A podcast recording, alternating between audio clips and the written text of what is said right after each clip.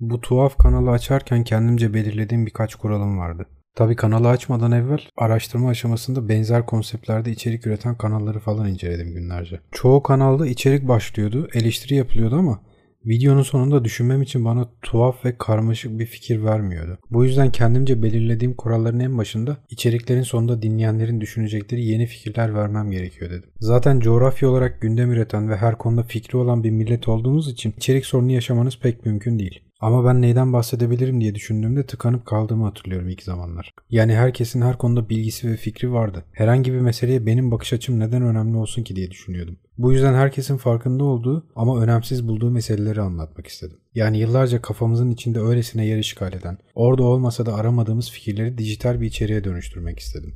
Hani aklınızdan tuhaf ve bir o kadar da manasız düşünceler geçer ya. Hani bunu kimseyle paylaşma gereği duymazsınız. Hani bu düşünce ve hayaller o kadar anlamsızdır ki siz bile bu aptalca düşüncelere kafa patlattığınız için kızarsınız kendinize. Ama bu düşünceler bir anda, olmadık bir yerde, bir cam patlaması gibi beliri verir aklınızda. Akılcı bir tutumla böyle şeyler düşünmenin ne kadar anlamsız ve çaresizce olduğuna ikna edersiniz kendinizi ama yine de bunları düşünmeden duramazsınız. Aynı şeyleri başka insanların da düşündüğünü bilirsiniz. Balkondan bakarken bir anda atlama isteğini, bomba patlayınca imha uzmanına ne olacağını. Ben de bir süredir ülkede olup bitenleri, eşeledikçe ortaya çıkan pislikleri, torpilleri, yalan haberleri, cehaleti ve çoğunluğun yaşadığı akıl tutulmasını düşünüyorum. Kafamın içinde dönüp dolaşan cehalet fikri aslında beni hep olmak istediğim insan fikrine götürdü. Meselelerden uzak, farkındalığı düşük, kendi küçük ve sisli dünyasında mutlu. Peki tüm bu olup bitenler cehaletin konforlu rehavetinden mi kaynaklanıyor? Yoksa aksine her şeyin farkında olan kitle anlamsız bir illüzyona mı kapıldı? Hani sahnedeki sihirbazın büyücü olmadığını biliriz ama aklımız bunun bir oyun olduğunu kabul etmezsek eğlenemeyeceğimizi hatırlatır ya bize. Bu tür bir sarhoşluk gibi geliyor işte tüm bu olup bitenler. Sahnede dönen büyüleyici şeyin bir tezgah olduğunu, aslında o şapkanın içinde dört tane tavşan olmadığını anlatmak isteyen kitle de derdini anlatamadıkça umudunu daha çok yitiriyor. Ben mesela bu YouTube dalgasını biraz şişeye mektup yazıp okyanusa salmak gibi görüyorum. Bu yüzden diğer herkes gibi aslında olay öyle değil de şöyle gibi karşıt bir görüş sunmak istemiyorum bu konuda.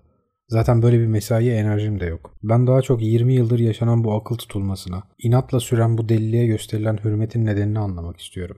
Toplumun neden yalancıya, hırsıza, katile ve deliye hürmet gösterdiğini anlamak istiyorum. Elbette toplumun katillere de ihtiyacı var. Sistemin işlemesi için, delinin birinin kürsüye çıkıp da adaletten bahsetmesi için, kendi ideolojisinin güzellemesini yapması için, katillere de, uyuşturucu patronlarına da, yalaka gazetecilere de ihtiyaç var. Ama en çok da cahil bırakılmış ve bu cehaletinin farkında olmayan koca bir yığına ki sizin delinize gerekli hürmeti göstersinler. Son günlerde yaşanan akıl tutulmasını düşündüğüm zaman herkes gibi benim de kafamda gürültülü bir kaos ortamı canlanıyordu. Altta çalan gergin bir müzik, olan biteni işaret eden, bağırıp çağıran, bazen laf anlatan, bazen öfkeyle küfreden insanlar gelirdi. Ama son birkaç gündür olayı toplumsal olarak değil de bireysel olarak düşünmeye başladım. Evinde oturmak zorunda kalan bir kadını düşünüyorum mesela. Parası olmadığı için eğlenemeyen bir genci, maaşı yetmediği için torununa açlık veremeyen yaşlı ve yorgun bir adamı. Yorulmuş insan ormanını düşünüyorum ama bunların her birini başka evlerde, pencere kenarlarında, balkon demirleri önünde yorgunlukla ve hüzünle ülkede olup bitenleri izlerken hayal ediyorum. Bir kurtarıcı beklerken insanların nasıl kahrolduklarını, gencecik çocukların gençliklerini yaşayamadıklarını ve konuşmak istediklerinde başka mutsuz yaşlılar tarafından nasıl susturulduklarını. Tarihe baktığımızda mevcut yönetim şekline benzer idarecilerin toplum mühendisliği yaparken nelere başvurduğunu görmek zaten mümkün. Milliyetçilik ve din bir ulusu yönetmek için dozu ne olursa olsun her zaman işe yarayan iki korkunç silahtır. Peki din neden kitlesel bir silah olarak kullanılır? Daha da önemlisi neden bu denli etkili bir yoldur?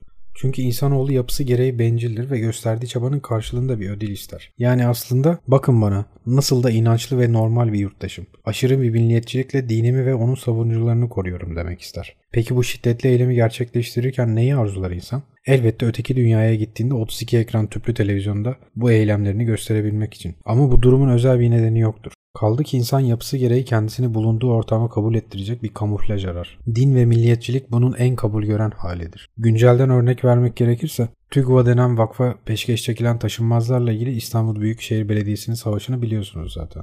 Günden bir süredir bununla meşgul. Peki tüm toplumda bir infial yaratması gereken bu durum neden olağan bir haber niteliği taşıyor sizce? İdarenin başında CHP'li bir isim olduğu için mi? Yoksa İmamoğlu özelinde bu kitleye karşı duyulan nefret mi? Bunlar da bir neden ama olayı nasıl kahramanlarının yıllardır toplumun milliyetçi ve inançlı damarından beslenen kitle olması. Peki her şey ortadayken Ekonomi, eğitim, sağlık, yerel yönetim politikaları, iki biranın 40 lira olması falan. Tüm bunlar bütün çıplaklığıyla masada yatarken neden insanlar bu deliliği inatla inkar ediyorlar? Çünkü insan düzenini bozmaktan korkar. Yeniliğe o kadar da açık değildir aslında.